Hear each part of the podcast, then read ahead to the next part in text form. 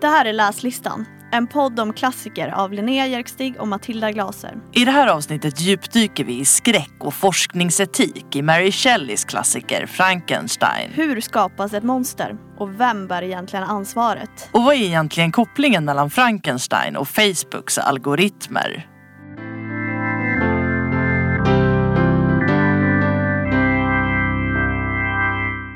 Hej Matilda! Hej Linnea! Kul att se dig. Detsamma. Tack. Idag tänkte vi prata om Frankenstein av Mary Shelley. Precis. Har du läst den innan? Nej. Nej. Då går jag direkt på handlingen. Jag har inte heller läst den innan. Den handlar då om Victor Frankenstein som flyttar till en liten stad som heter Ingolstadt för att studera. Och där fastnar han då för naturvetenskap och kemi och blir besatt av frågan om hur liv uppstår. Efter en tid av studier så inser han att han kan skänka liv till döda saker och skapar då en människa, alltså sitt så kallade monster. Eh, men när han träffar det här monstret så blir han så förskräckt och uppjagad att han flyr. Eh, så att monstret blir helt ensam och försöker då lära känna människor och komma dem nära och förstå vilken tillvaro han har hamnat i. Men varje gång som han träffar en människa så flyr denne. Och detta hat som han bemöts av väcker hans hämndbegär som han riktar mot sin skapare. Frankenstein. Och det är det boken handlar om. Vilken bra sammanfattning. Tack! Jag är imponerad. Eh, ja, precis. Det, det är verkligen vad boken handlar om. Eh, ska vi säga någonting om Mary Shelley kanske? Eh, hon eh, föddes 1797 i England. Eh, dotter till en eh, framstående filosof, politisk filosof som heter William Godwin. Och till Mary Wollstonecraft som ju är än idag en eh, feministisk ikon kan man väl säga. Eh, mest känd kanske för boken Till försvar för kvinnans rättigheter. Eh, så att eh, vi kan ju tänka oss att hon växer upp i en eh, ganska intellektuell eh, miljö och eh, politisk, eh, liksom, eh, ja, radikal politisk miljö skulle man kunna säga. Mm. men hon bryter med sin hemmiljö väldigt ung. och bland annat då på grund av att hon träffar Percy Shelley som eh, sedermera då ska bli hennes man och pappa till hennes barn.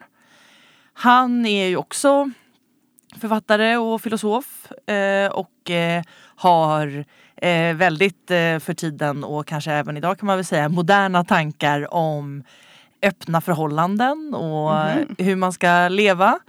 Eh, och han och eh, Mary Shelley reser runt i Europa tillsammans och träffar där stora intellektuella som bland annat Lord Byron som mm. är i deras närmsta krets.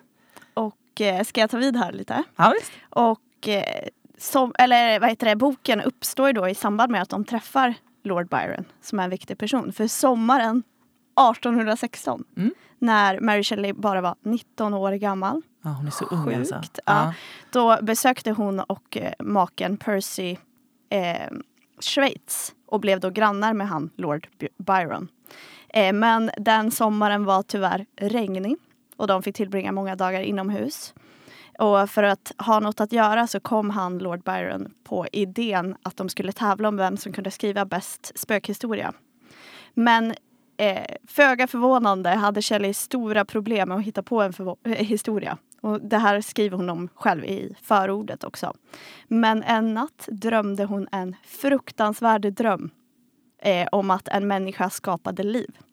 Eh, och skräckslagen som hon var slog hon upp ögonen och då visste hon vad hon skulle skriva om. Frankenstein. Precis.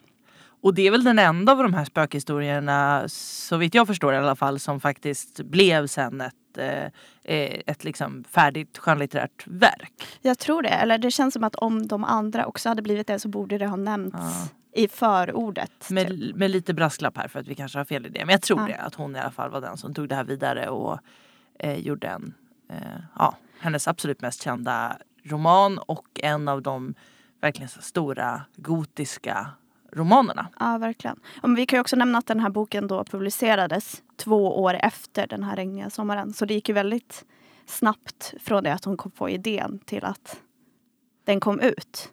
Just och då det. var hon ju bara 21. Det är Ja. ganska svårt att tänka sig att en så ung person har skrivit Ja, den här boken. verkligen. Eh, det är Som otroligt imponerande.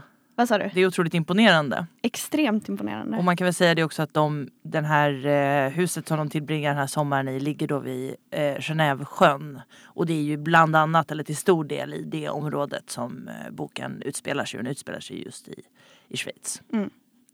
Ja, verkligen. Och eh, ja, den utspelar sig verkligen i Schweiz. Alltså när man läser den så känner man att man är där. Ja, verkligen. Och man blir väldigt sugen på att åka till Schweiz. Eller Ja, jag blev det. Och så här, det gå runt i de här bergen och sådär. Ja precis, det är mycket kärlek till för att Frankenstein är ju då eh, han är ju då eh, född och uppvuxen i, eh, i det här området och har väldigt stor kärlek till sin eh, hembygd.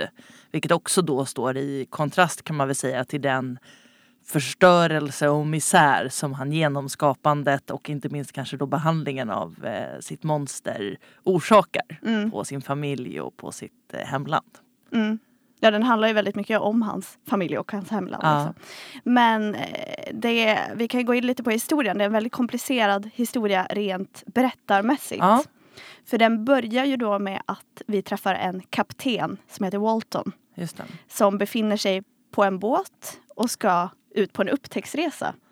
Precis, och han är ju engelsman. Han är ju liksom den enda som är engelsman i boken som vi får träffa. Som, och det är ju lite intressant Mm. tänker jag givet att hon är, är ju eh, från England själv. Eh, så att på något sätt så representerar ju den här Walton som ju är någon sorts upptäcktsresande från en väldigt eh, fin familj och som aldrig riktigt har åstadkommit någonting i sitt liv men vill upptäcka världen. Det är ungefär det vi får veta om honom. Mm. Och vill hitta sig själv lite grann Precis. också. Han blir ju liksom huvudberättaren i boken Mm. vad man ska säga för det är ur hans perspektiv som historien börjar. Och det är genom hans perspektiv som vi också för första gången får träffa monstret. Eh, För då befinner han sig på den här det. båten och så ser han monstret eh, åka förbi på någon form av släde. just det, han men han fattar liksom inte vad det är. Det är en avstånd. stor mänsklig varelse. Men han förstår ju inte just då vad det är han ser. Eh, och sen på den här båten så träffar han ju Frankenstein. Eh, som kommer efter monstret på sin egen släde. Just det. Och då börjar Frankenstein berätta sin historia eh, för kaptenen Walton. Exakt, så då skiftar berättarperspektivet efter ett tag. Först är det liksom eh, Walton som återberättar Frankensteins berättelse. Mm. Men efter ett tag så skiftar nästan det perspektivet helt och hållet till att det istället är ur Frankensteins perspektiv Exakt. som vi får höra berättelsen. Och tids nog sen så berättas en del av berättelsen helt och hållet ur monstrets perspektiv. För då har ju liksom Frankenstein träffat monstret. Och då byts det till monstrets perspektiv. Exakt, och sen går Och det tillbaka igen. Ja, till Waltons perspektiv. Exakt. Men eh, vi kan bara förtydliga att när vi säger... För när man tänker på namnet Frankenstein så tänker man ju på monstret. Men när vi säger Frankenstein så menar vi ju vetenskapsmannen. Exakt, och inte Frankensteins monster. Exakt. Då, som vi för enkelhetens skull kanske kan kalla för monstret. Mm. Den kallas ju för lite olika saker vid olika tillfällen i boken och vi kommer ju såklart få anledning att diskutera vad är det som gör monstret till ett monster Mm. eller är det, ska det kallas för ett monster? Men alltid när monstret nämns i boken så är det ju form av att eh, markera att det är någonting annat. Mm. Typ den benämns monstret, varelsen.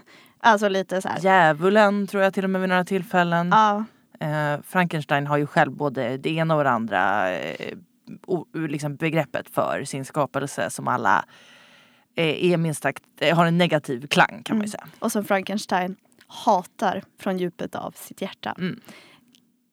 Men ska vi prata lite om monstret? Mm, Va, absolut. vad, vad tycker du är intressant med monstret?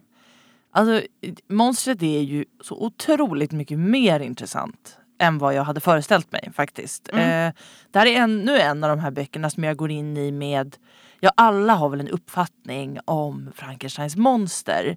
Men min uppfattning har väl liksom baserats på de populärkulturella skildringarna, i viss mån liksom filmatiseringarna av Frankenstein men också hur Frankenstein kan förekomma i eh, och Frankensteins monster kan förekomma i andra typer av populärkulturella skildringar. Dyker upp i eh, liksom allt från typ eh, tecknade serier till eh, ja, men, Jag tänker på så här, Det våras för Frankenstein eller sådana så här, eh, Inga Ja, relationer. alla möjliga typer av Ja. olika skildringar. Liksom.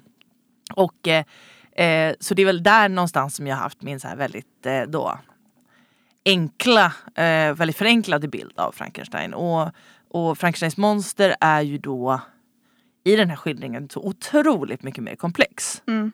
Ja, jag måste bara inflika här. Jag blev också väldigt förvånad över att, ja, men att det var en sån dynamisk karaktär Mm. som det faktiskt är. Det är verkligen rätt ord. För när, när, när Frankensteins monster skapas då är han ju på ytan ett monster redan Mm. från början så att säga. Det är en, eh, mycket, han är mycket, mycket större än en vanlig människa. Mm. Har en annan typ av eh, Fysiologi. fysiologi precis som gör att han klarar kyla bättre, han behöver Mm. äta mindre. Han har en beskrivelse som att han ser ju ut som ett monster. Och dessutom, får jag bara säga ja. en sak? Och dessutom är han ju ihoplappad av likdelar. Typ. Det, så han ser ju precis. som ihopsydd ut. Precis, och det beskrivs han har svarta läppar och liksom, han ser överhuvudtaget otroligt obehaglig ut. Ja. Men bortsett från ytan så är han ju ett blankt papper. Mm. Han har ju ingen, inget språk, han har ingen uppfattning om världen och mänskligheten.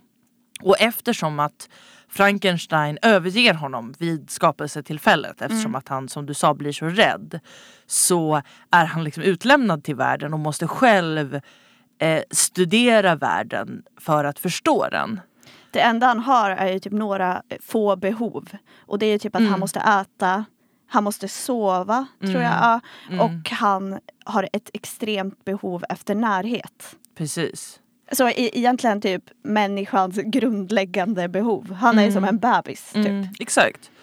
Och, och, och liksom styrd av de här då få behoven till en början liksom, så irrar han runt och till slut så hamnar, och han inser ju just det här att han, hur han bemöts, att han vågar inte interagera med eh, människor. Det inser han väldigt snabbt. Mm. Men han lyckas ta sig till en plats där han från ett litet skjul kan betrakta en familj. Mm. Och det gör han under väldigt lång tid. Och genom att betrakta den här familjen så lär han sig dels språket, han lär sig franska, eh, han börjar förstå hur eh, mänskliga relationer och mänsklig interaktion fungerar.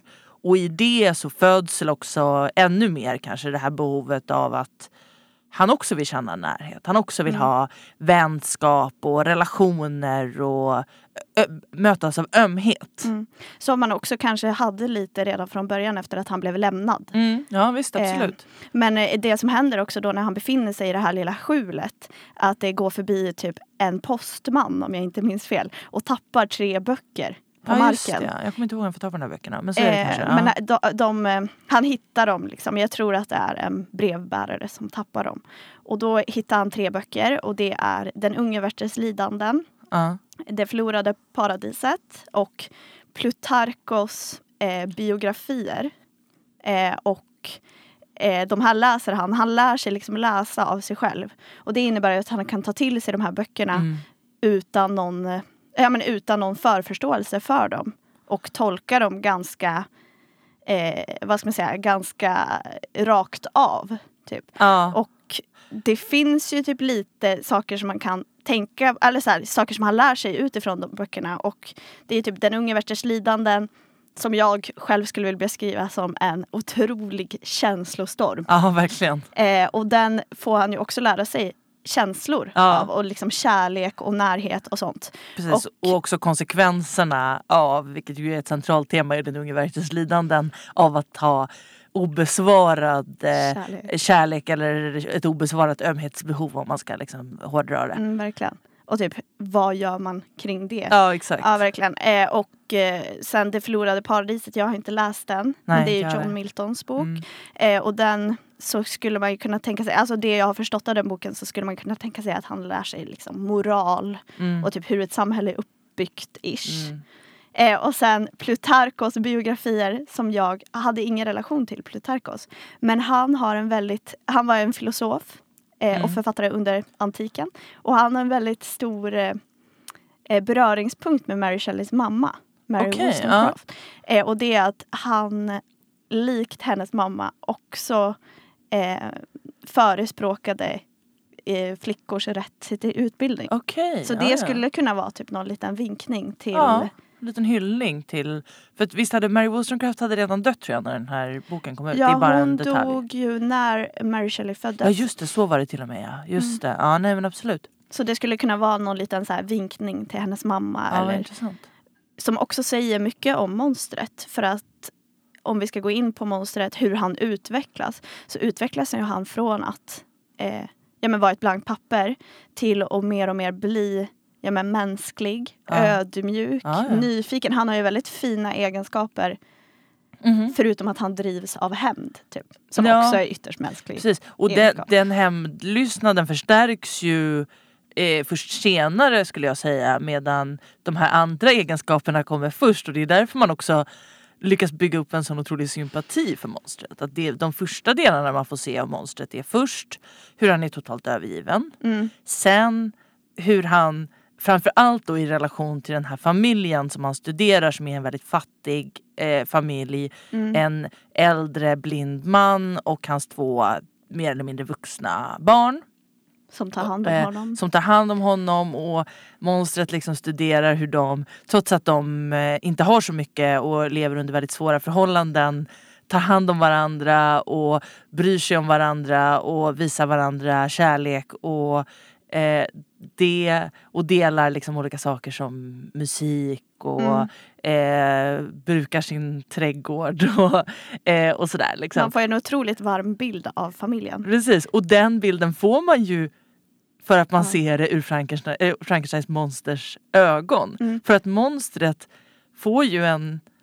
Eh, den må vara liksom enkelsidig eller ensidig men han får ju en eh, otroligt varm kärlek till Det den här är familjen. exakt så man känner när man är ute och går själv en mörk decemberkväll och bara tittar in på alla så här Ja. ljusstakar och så ser man typ hur de sitter där och äter pepparkakor och dricker glögg. Typ. Ja exakt, exakt. Och så tänker man att man följer en sån familj liksom under En lång- under en lång tid som han gör.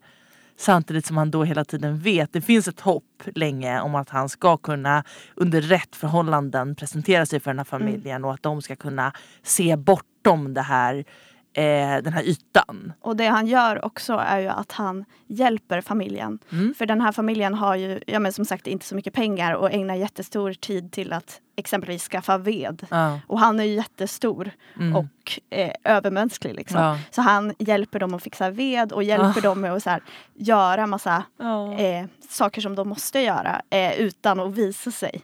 Och de Ja, tror ju att det är någon form av mirakel eller någon Guds Precis. gåva. Det Typ. här är ju verkligen en helt annan bild av Frankensteins monster än den man får möta i liksom andra skildringar.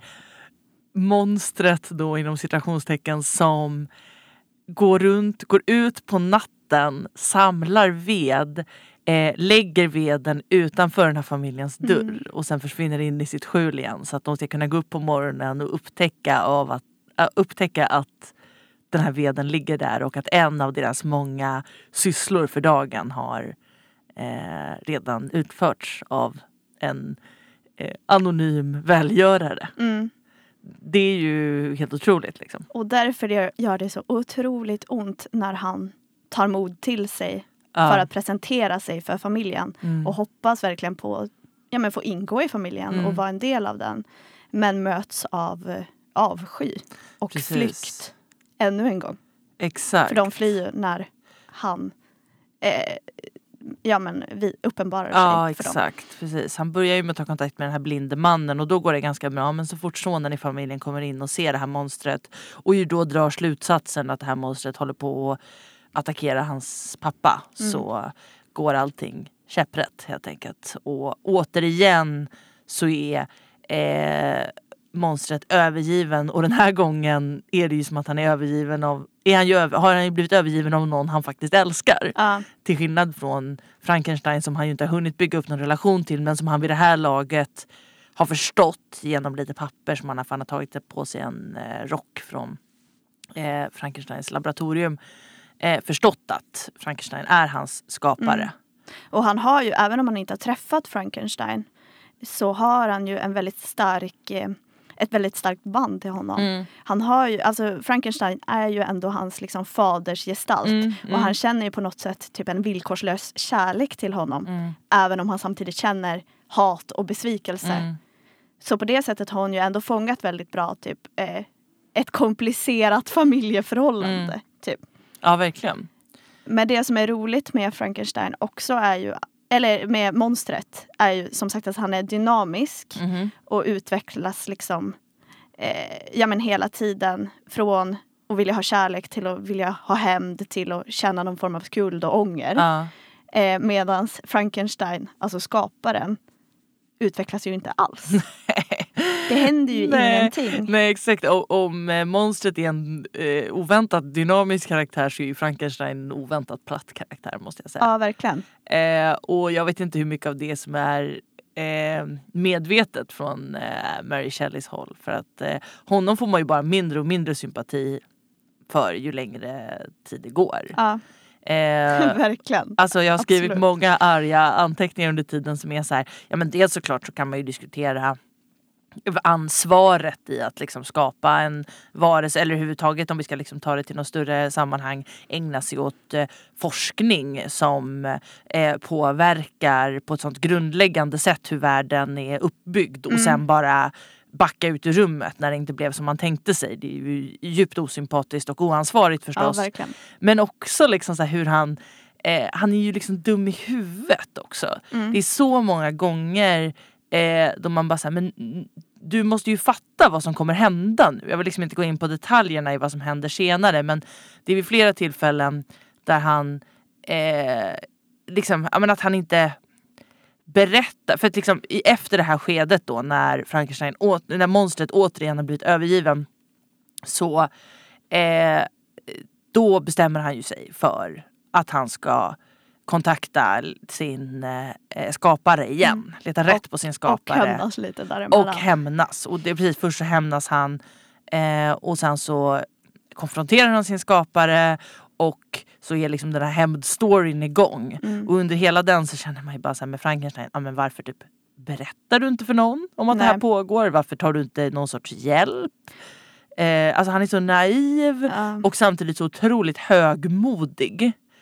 Ehm, och, ja, och är Men det är också, alltså han lider ju stora personliga förluster också på grund av det här monstret. Ja. Och att andra människor lider väldigt mycket av att Ja. han inte liksom tar itu med det här. Exakt. Eh, så det är verkligen, alltså man blir väldigt arg hela tiden. Och som du säger, när man sitter som läsare och känner så här, bara, nej men gör någonting, Ja. gör någonting. Och att det som är roligt med den här boken är ju att man som läsare också vet mer än vad Frankenstein vet. Vi vet ju vad som kommer hända. Ja. Men, och då framstår ju Frankenstein som inte vet det som supernaiv Ja, och jo. dum i huvudet. Typ. Man blir ju väldigt irriterad hela tiden. Precis. Och i och för sig, det är såklart, det är lätt att sitta som läsare också och så här, Men även saker som vi inte visste innan sitter man ju som läsare och är så här, men alla förstår ju vad som kommer hända. Ja exakt. Eh, om du Redan agerar du på det skapar här en liv. sättet. Ja, någonstans redan där. Men Ja. liksom även i, i de mindre grejerna. Ja men för det är vissa saker i boken också som är så uppenbart. Typ så här, det här kommer hända. Men Ja. han fattar inte det. Men varje, alltså alla tillfällen saker händer så är det ju inte uppenbart heller. Nej, såklart inte. Absolut inte. Ehm, Eh, ja, men vi, ska vi, eller så här, det finns ju jättemånga vetenskapliga referenser Mm. till idag också. Kanske inte att man, eller jo ibland, man försöker skapa liv även idag. Men en sak som jag tänkte på eh, väldigt mycket när jag Mm. läste den här boken. Det var ju såklart AI som det också står mycket om i efterordet. Men också Facebooks algoritmer. mhm. Förklara vad du menar. Eh, nej men för jag läste, vad heter han, eh, Anders Hansens bok, Mm. den här Skärmhjärna. Just det. Eh, och då så skriver han mycket om hur de som skapade Facebook och Instagrams algoritmer eh, har känt ånger efteråt. Och vill att ta tillbaka det här för att det har varit så dåligt för människan. Typ. Aha, okej. Och då Mm. tänkte jag, bara, ja men det är exakt det här som Mary Shelley varnade för. Ja, nej men det är klart att så här, vetenskapen eh, och det finns ju otaliga exempel på det här Mm. såklart. Man pratar om eh, ja, men artificiell intelligens då eh, och det är ju liksom också så här diskussionen om de smarta datorerna som till slut kanske skulle kunna bli smartare än oss och utplåna mänskligheten. Ja men för all Ehm. sån här vetenskap, ja, men typ algoritmer eller AI, eller Ja. det är väl en form av AI antar Ja. jag, eh, handlar ju egentligen om att lura människan. Typ. Ja eller liksom hitta ett sätt att precis bara liksom vara smartare än naturen i alla fall. Exakt. Liksom. Eh, precis. Så det, är ju, det finns ju extremt många referenspunkter i det och jag kan absolut hålla med dig om att man kan säga att eh, eh, det här är en, man kan läsa det här då som en form av eh, dystopi liksom i, eh, i relation till vad som skulle kunna hända. Ja och dels har hänt då i förhållande till till exempel Facebooks algoritmer men också vad som skulle kunna hända i Ja, men- framtiden. Ja och Facebooks al- algoritmer är ju så liten del av Ja. det hela. Det handlar ju inte riktigt om typ människans försök att kontrollera naturen som du sa. Men ändå liksom en liten Ja, grej som ändå- är i vardagen. Det är ju något som påverkar alla våra liv såklart. Exakt. Men du sa Eh. någonting innan vi satte oss här om någon, någon mänskligt experiment. Ja men jag tänkte på de här experimenten som jag inte heller kan så mycket om. Eh, men som är alltså kloning, olika former av kloning Mm. helt enkelt. Eh, är väl liksom det närmsta som vi har kommit, som vetenskapen har kommit eh, att skapa ett Frankensteins monster. Och då menar du kloning av människor och inte kloning av typ grönsaker? Nej precis, kloning av levande varelser kan man väl säga då. Alltså, jag menar, det är klart Typ att man djur. kan prata om kloning av, av djur, Dolly och sådana där grejer. Men jag tänker framförallt på de här eh, kinesiska forskarna som har klonat eh, bebisar. Som Ja. ju har varit på tapeten den senaste tiden och som ju är extremt ifrågasatt inom det liksom, globala forskningssamhället och som ju verkligen inte är någonting som, eh, som man bara låter pågå. Liksom. Men eh, när vetenskapen når eh, eh, eller liksom forskning och etik måste ju alltid gå hand i hand. Mm. Och det är ju någonting som såklart forskare hela tiden tar hänsyn till. Eh, på Ja. olika sätt och ibland kanske inte. Inte, Eller nej. liksom, men, De ska göra det men den här boken sätter ju absolut fingret på eh, vad konsekvenserna kan bli om man inte gör det. Mm. Så kan man ju säga. Eh, det, det handlar ju absolut om, om forskningsetik skulle jag säga. Mm. Eh, och på det sättet är den ju jätteaktuell och intressant. Mm. Ja men boken kan ju uppfattas som en liten varning Mm. till så här, försök inte kontrollera allt typ. Mm. Mm. Eh, eller typ till den moderna människan. Eller vad man ska säga. Men Exakt. förutom skuld och ansvar gällande forskning och etik och sånt så handlar den ju också mycket om men, så här, vad skapar ett monster? Precis. Skapas ett monster? Eller föds man till ett monster? Ja. Eller, och den här boken visar ju, eller i den här boken fångar man ju det, eh, den aspekten att nej man, man föds inte till ett monster. Man blir ett monster. Och är man ett monster eller upplevs man som ett monster? Alltså, det är många frågor som man kan Precis. fundera kring. Det är, ju, det är ju extremt intressant. Jag har ju pluggat sociologi Mhm. och eh, där pratar man ju ganska mycket om ja, men socialisering såklart. Eh, och det finns ju en massa eh, typer av forskning där man tittar på grupper i eh, utsatta områden och i områden som uppfattas på olika sätt eh, eh, utifrån. Liksom, att här, du är uppvuxen i den här kontexten, då uppfattas du från barndomen som ett, eh, ett problembarn eller en person som eh, ha, löper stor sannolikhet att eh, bli kriminell, Mm. att bli eh, en massa olika saker. Jag tänker på debatten om y-namn. Precis. precis. Alltså att om man heter typ Conny, Ronny, alla namn som slutar på y Exakt. så är det, var det högre risk att man blev kriminell. Ja, Ja. det finns ju också forskning som eh, som, det finns jätteintressant forskning som jag nu absolut inte kan referera till med någon sorts exakthet men som handlar om svenskar i Chicago Mhm. när eh, Alltså som är en del av eh, den svenska utvandringen. Aha. Eh, och som är faktiskt en av de liksom, första studierna vad jag vet där man har tittat på så här eh, en, en specifik eh, etnisk eller kulturell grupp Mm. och om den löper större eh, risk att bli, eller sannolikhet att bli eh, kriminella till exempel. Och eh, det är ganska roligt tycker jag när man idag pratar om eh, i Sverige liksom vissa kulturer och vissa religioner och huruvida det skulle finnas kopplingar mellan det och eh, eh, kriminalitet till exempel. Att eh, man, en av de första studierna eh, som man studerade sånt samband, då var det just de stökiga svenskarna i Chicagos förstäder. Ja det är jätteroligt. Det här blir verkligen ett sidospår nu. Men det blir verkligen typ eh, ja, men svenskar utomlands kontra människor utomlands som kommer till Sverige. Alltså det är exakt samma Ja, sak fast man har liksom vänt Just det, på det. exakt. Jo, precis. Och det jag skulle komma till med det förresten, nu jag tappade spåret totalt, var väl just det här och det är väl det caset som den här boken driver skulle jag säga. Att så här sätts vissa förväntningar på dig. Dels Mm. så får du inte förutsättningarna till att bli den människan som du skulle vilja vara eller som du skulle egentligen kunna ha är, typ. potential att Ja. bli eller vad som helst.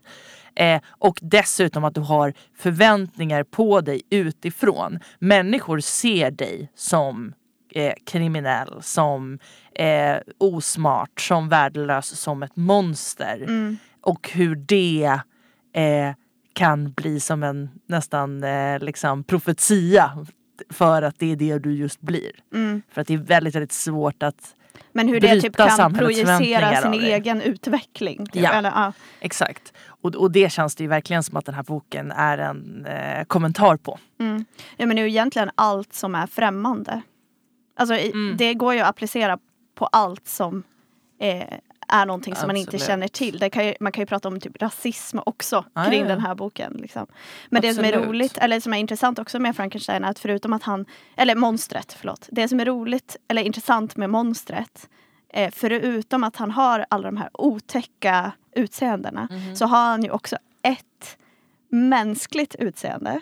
Och det är att de alltid återkommer till hans vattniga ögon. Som att han liksom är lite ledsen. Eller alltså jag tänker att vattniga ögon är ju fullkomligt mänskligt och någonting som man kan sympatisera med och känna Ah, mycket okej. för. Ja, du tänker så. Ja. Jag tänkte att det var ett sätt att beskriva någon som ful. Att Jaha. vattniga ögon skulle vara ett lite eh, Det tycker jag i skönlitterära beskrivningar ibland är. Alltså det kan ju såklart vara tillfälligt vatt, typ tårfyllda ögon. Ja. Men att vattniga ögon annars är ett sätt att beskriva en människa som har fula ögon. Ja, men som att man eh, har lite grumlig. Ja, Eller- på något sätt. Alltså jag, jag, har aldrig, Mhm. jag har aldrig riktigt eh, själv faktiskt kunnat relatera till den beskrivningen men som jag tycker återkommer i skönlitterära beskrivningar. Ibland. Men för Men vad Mary intressant. Shelley Ja. skriver jättemycket om vattniga ögon. har- Dels på Frankenstein och sen beskriver hon det flera gånger också på andra karaktärer. Så då tänkte jag att det var ett sätt att liksom så här, koppla ihop Aha. alla genom deras vattniga Ja, ja, ögon. intressant att hans, inte. att hans ögon ändå är mänskliga för ögonen är eh, Det är där, det, i ögonen ser man Själens- någons själ. Typ. själens spegel. Ja, ja men vad intressant. Jag, jag tänkte inte på det. Men eh, gud vad spännande för så skulle det ju verkligen kunna vara. Men eller så är det bara för att poängtera att han är äcklig. Typ. Ja. Det var, gud vad spännande. Eh, någon, annan, någon som lyssnar på det här kanske har några tankar kring det. Det vore spännande att höra. Ja, vad, vad tänker ni att det betyder? Hur tolkar ni ett par vattniga ögon? Mm. Som något dåligt eller som något bra? Men precis, vi, vi går, kommer ju hela tiden tillbaka till det här med så här, vad skapar ett monster? Mm. Eh, är det och vad skapar Frankensteins monster? Eh, är det Frankenstein? Är det monstret själv? Eller är det en summa av samhällets och världens bemötande av eh, den här karaktären? Men det man kan egentligen slå fast är ju typ så att en människa skapas i förhållande till andra människor. Mm. Alltså man, Frankenstein kan ju inte utvecklas själv. Nej. Utan han utvecklas ju i Mm. förhållande till andra. Liksom. Och han är ju som ett barn. Han råkar ju bara födas Nej, i en... Ja. Mm. Ja precis. Han, han råkar ju bara födas i en, direkt i en vuxen kropp så att säga. Men när han Ja. föds är han ju ett barn i det avseendet att han inte har några minnen. Han har inget språk. Han har inga relationer till någon. Han har inga Inga eh, referenser. referenser. Exakt. Han har, inga, han har inga fördomar heller ju i liksom det första skedet. Nej. Eh, en sak som jag blev väldigt chockad över eh, när jag läste den här boken var hur eh, mycket som hände i den. Det hände saker Ja. hela tiden. Den är ganska actionpackad och den liksom utspelar sig i typ tio olika länder. Nej nu överdrev jag väldigt mycket. Men, Nej, men eh, stora de geografiska ju mycket. områden. Ja, precis, De reser till England under en lång period. Eh, och eh, sen i slutet så är de ju någonstans i Ryssland. Ja, ute på is. Eh, På liksom, havet. is precis och bland eh, isflaken eh, verkligen mitt ute i ingenstans. Så att, eh, det, den täcker in ganska stora eh, och väldigt många olika karaktärers öden som man får följa också. Mm. Ja men för det är också så här, den relationen man har haft till historien Frankenstein innan har ju varit mer så här bilden av monstret. Ja. Och man har inte riktigt, eller jag har inte riktigt förstått så här hur mycket det händer i den här boken Nej. och hur, vilket djup den har. Ja, nej absolut, jag håller med. För det finns ju många populärkulturella eh, vad heter det, referenser till Ja, Frankenstein-boken. Exakt. Eh, och, och de, min upplevelse är väl att de i väldigt hög utsträckning ger en extremt förenklad bild av Frankenstein. Lite som vi har varit inne på. Som den här, nästan som en zombie. Liksom, som bara är ondskefull, den här hämndaspekten då liksom och eh, blodtörstig. Liksom. Ja, och att eh, det är väldigt mycket fokus eh, på hur Frankenstein skapas. Att det är liksom el och blixtar och sånt. Och det är det ju inte alls i boken. Nej. Då får man ju inte veta någonting Nej. mer än att han Nej, består av precis. likdelar. Typ. Exakt, man får egentligen veta att Frankenstein liksom knäcker koden. Han Ja, säger exakt. så här, nu har jag förstått hur mänskligt liv skapas. Men det är Och- inga blixtrar. Det är Nej, ingen det är elektricitet. precis. Och sen förstår man att han arbetar väldigt länge. ja. Och sen plötsligt så är eh, Frankenstein född. Så precis den dramatiska, precis man, som man tänker sig och som det också skildras i många, att det är mörkt ute och han står där och det är blixtar och dunder och kanske slår ner en blixt någonstans utanför. Det är alltid typ åska när han Och skapas. att han befinner sig i ett stort typ spökhus. Vilket han i och för sig nästan gör. I boken också. Ja. Eller typ ett läskigt stort hus. Precis. Eh, jag skulle vilja läsa ett citat apropå allt det här som vi har sagt. Ja. Snabbt. Det, det här är då en sak som, som monstret säger till eh, Frankenstein som jag tycker sammanfattar lite grann det vi har pratat om innan. Är jag inte hatad och avskydd av hela mänskligheten? Du, min skapare, skulle vilja slita mig i stycken och triumfera. Kom ihåg det och tala om för mig varför jag skulle ha mer medlidande med människorna än de har med mig. Mm. Det typ sammanfattar boken ganska bra också. Och, och, och det sammanfattar ju någonstans här, vem är det egentligen man sympatiserar med i slutändan. Alltså, Mm. Vi ska verkligen inte förringa att här, eh, monstret begår i liksom den senare halvan av boken då Fruktansvärda och fruktansvärda handlingar Mm. som drabbar en massa oskyldiga människor och drabbar inte minst Frankenstein väldigt hårt. Men inte bara Frankenstein. Utan även drabbar en massa andra människor. Mm. Eh, det ska vi absolut inte glömma bort. Men ändå blir det ju någonstans så eftersom att som vi var inne på, vi får ändå se, vi får ändå väldigt tydligt följa med i varför monstret blir som monstret blir. Mm. Medan Frankenstein får vi inte följa på det viset. Honom blir man bara eh, mer och mer irriterad på för att han inte tar ansvar för sitt agerande. Och samtidigt det som man kan förstå varför monstret gör som han gör hela tiden så kan man man får liksom ingen förståelse varför vad heter det, Frankenstein blir så besatt av att skapa liv. Nej det får man faktiskt inte heller. Eh, Det är typ att han, eh, det som man förstår, eller det man först- får förståelse för är att han är djupt eh, deprimerad efter att en familjemedlem har gått bort. ja. Och att han därför typ blir helt insjunken i sig själv och sitt projekt. Typ. Och det kan man väl känna igen sig Precis. lite med att så här, ja, men när man har det tufft så kan man liksom sluk- slukas upp av Ja, något helt annat. precis. Men man förstår inte varför han måste slukas upp i att skapa ett liv. Nej. Varför Man- skulle man vilja skapa ett liv? Precis. Man får väl också följa lite grann hans utbildningsbakgrund och liksom vilka böcker han läser och vilka eh, forskare och författare som man inspireras av. Och kanske finns det saker där som man skulle förstå om man kände till dem, eh, de personerna och de skrifterna, vilket jag inte gör. Eh, men jag håller med dig att utifrån de referenserna som jag själv har så förstår man inte det. Nej. Det finns en undertitel också till eh, den här romanen som är Den moderna Prometheus. Mm.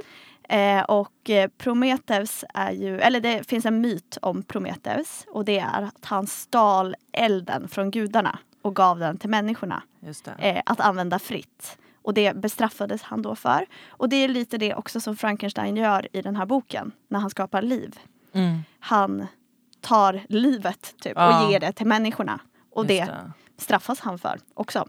Eh, och den, jag skulle vilja tipsa om en bok som berör den här myten Ah, ganska spännande. mycket som jag har läst. Och eh, det han straffas genom är typ att han binds fast vid en klippa där en örn varje dag hackar ut hans lever. Just det, det känner man ju till. Och Mm, eftersom han är en gud så växer hans lever tillbaka. Det. Så det är liksom ett evigt straff att varje dag få sin lever uthackad Just av en det. örn. Det är låter den där klassiska, det här är grekisk mytologi eller hur? Exakt. Eh, och den boken som jag har läst heter Kirke av Just Madeleine det. Miller. Ah, den Och- jag läsa. I den här boken eh, som handlar om grekisk mytologi. För Mm. Kirke är ju då en mytologisk eh, gudinna. Mm. Eh, och i den här eh, boken så tar de upp Prom- Prometheus. Ja. Eh, och som någon som Kirke verkligen fascineras av. Hon så inspireras av hans mod. Ah. Men också det hårda straff som han får. Och hon liksom, ja, men han blir liksom en liten eh, gud för henne. Okej, ja. Eh, och eh, den här boken, eller Kirke, vad ska man säga om henne? Hon är ju då en gudinna som blir förvisad till en ö.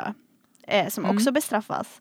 Och hon förekommer bland annat i, ja, men i massa litteratur från antiken som typ eh, Odysseen och typ Aeneiden. Och alla de hjältarna liksom åker till den här ön och träffar henne. Och det hon gör och det som jag antar att många känner igen är ju att hon tar vad heter det, män och förvandlar dem till svin. Just det. Ja. Mm.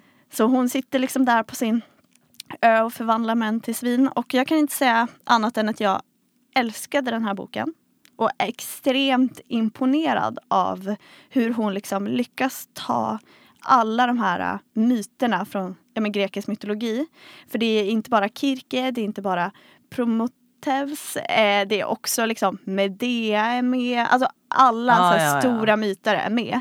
Och hon liksom lyckas förmedla dem genom Kirkes eh, ja, men synsätt. Typ. Ah, ja, ja. Och samtidigt så behöver man inte vara så insatt i grekisk mytologi för att förstå den utan den är väldigt bra så här om man känner sig lite intresserad så kan man läsa den här och liksom få ta del av alla de här eh, berättelserna. Ja. Eh, och det som jag också gillar med den här boken är att eh, hon har liksom verkligen gestaltat det ur Kirkes perspektiv. Utan Alla liksom liknelser och allting känns trovärdiga för den karaktären. Mm. Eh, men också att hon tar ju liksom Kirkes historia som alltid har berättats ur en mans perspektiv och liksom gör en feministisk version Ah, ja, ja. av den. Ja just det, för att Kirkes berättelse har tidigare illustrerats av männen som möter henne och Exakt. försöker undfly henne som i Odysseen till exempel. Exakt. ah, vad intressant. Eh, men det som eh, Madeleine Miller gör så bra är att hon inte liksom är övertydlig med det Ah, ja, budskapet. Utan det känns liksom naturligt och intressant. Och eh, sådär.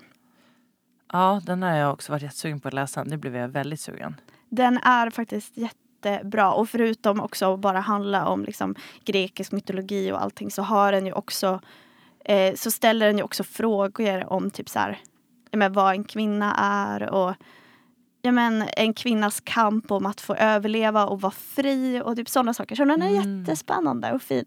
Kul. Bra inkörsport till grekisk mytologi. Ja, det Mm. kan man ju behöva. Och som också hade en liten, liten, liten koppling till Frankenstein. Genom undertiteln. Jag tar den utmaningen vidare och ska försöka hitta en koppling mellan min bok Ja, och Frankenstein. vad har du läst? Jag tror jag kommer lyckas. Eh, Jag har läst Styr din plog över de dödas ben av Olga Tokarczuk. Ja. Alltså 2018 års nobelpristagare. Eh, men som ju fick ta emot priset 2019. Eh, jag tycker baserat på mina Instagramflöden så känns det som att det här var en av de eh, stora bokklubbsböckerna eh, förra året. Det var liksom den som folk läste. Jag, jag tycker det känns som att det är många som har diskuterat den här på sina bokklubbar och eh, det, så vi kan förhoppningsvis diskutera den eh, på våra, vårt Instagramkonto också. Eh, den här boken handlar i alla fall om Janina Dushejko. Eh, ref, lite brasklapp för uttalet där. Hon lever i alla fall ensam i en eh, avlägsen liten by i södra Polen precis vid gränsen till Tjeckien.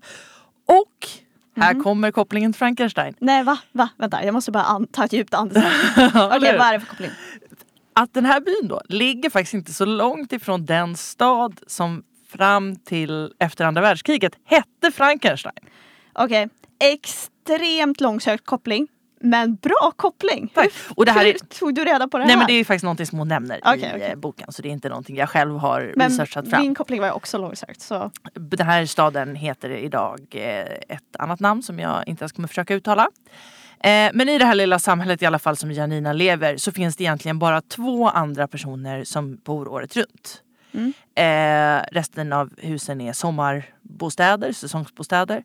Och på vintern är det extremt mörkt, ödsligt eh, och avlägset. Eh, och när då en av de här två andra män, männen som bor i den här staden eh, hittas död. Mm. Då liksom blir det startskottet på den här berättelsen kan man säga. Okej. Eh, och flera andra mystiska dödsfall fa- följer sen på det här. Eh, och på ytan kan man väl säga då att det blir nästan lite som en kriminalroman. Vad är det som har hänt? Mm. Men i själva verket så skulle jag säga att det är någonting helt annat än det, den här boken. Men de andra som dör, är det också folk som bor i den här byn? Eller är det men- liksom turister? eller? Nej man kan säga att så här, och, det är liksom, och jag fick inte riktigt 100% greppet om det här men liksom den här lilla lilla lilla byn som de bor i den är liksom allra mest avlägsen. Sen ganska nära den ligger det en lite, ett lite större samhälle. Okej, ja. Så att de andra personerna eh, bor och lever då i, i det här andra samhället. Eh, på vintern, den här boken börjar i den liksom allra mörkaste kargaste vintern, då är det ganska svårt att ta sig till byn. Mm. Eh, men om man inte har en väldigt bra bil och sådär. Det är, liksom, det är väldigt så isolerat men, men det går att ta sig dit och det är inte så långt. Liksom. Eh, så, att, eh, så att det finns ändå en koppling och eh, interaktion med det här andra samhället. Eh, jag skulle säga att språket kanske är den allra största storheten i den här boken. Eh, och liksom att få vara i den här Janinas huvud. Hon är verkligen en... eh, Ett... Eh, ja, en väldigt speciell person. Hon är jätteintresserad av astrologi och tror till 100% på astrologins eh, möjligheter att förutspå och eh, eh, förklara vad som händer i världen. Och överhuvudtaget så liksom lever den här boken, det är det som är så fascinerande i någon sorts gränsland mellan att det är någonting väldigt gammaldags och mytomspunnet och som skulle kunna, i vissa lägen så skulle boken kunna utspela sig nästan i vilken tid som helst. Så liksom isolerad är den här världen som de här människorna lever i. Och sen så bryter Olga Tokarczuk av mot det hela tiden. Genom att liksom f- fånga in någonting väldigt modernt och väldigt rakt. Mhm. Eh, och med så här formuleringar som ibland är ganska roliga som att eh, hon säger att döden är som ett desinfektionsmedel. Oj, Eller ja. plötsligt så kommer det en referens till att någon eh, äter kebab och man inser att nej, men det här är ju ändå ett modernt samhälle där ett modernt Polen som det här måste förhålla sig till. Mm. Eh, och i ett modernt Europa. Liksom. Det är en bok som också handlar mycket om att, att åldras som kvinna Mm. och i och med det liksom bli irrelevant på något sätt i samhällets ögon och se hur man bemöts på ett annat sätt. Men inte minst så handlar den om djuren och naturen. Eh, både som en, en hyllning men framför allt kanske då om liksom, som en kommentar på vilken påverkan mänskligheten har på världen runt omkring. Jag läser här på eh, beskrivningen på Bokus eh, att hon föredrar rådjurens och vildsvinens sällskap framför människornas. Ja. Då tänker jag att det är Kirkes vildsvin Just det. Som hon föredrar. Ja. Nej jag skojar. Ja man kan absolut koppling. säga för det bor typ, det är, hon har nästan bara män i sin, som hon interagerar med i den här boken. Det finns ett undantag.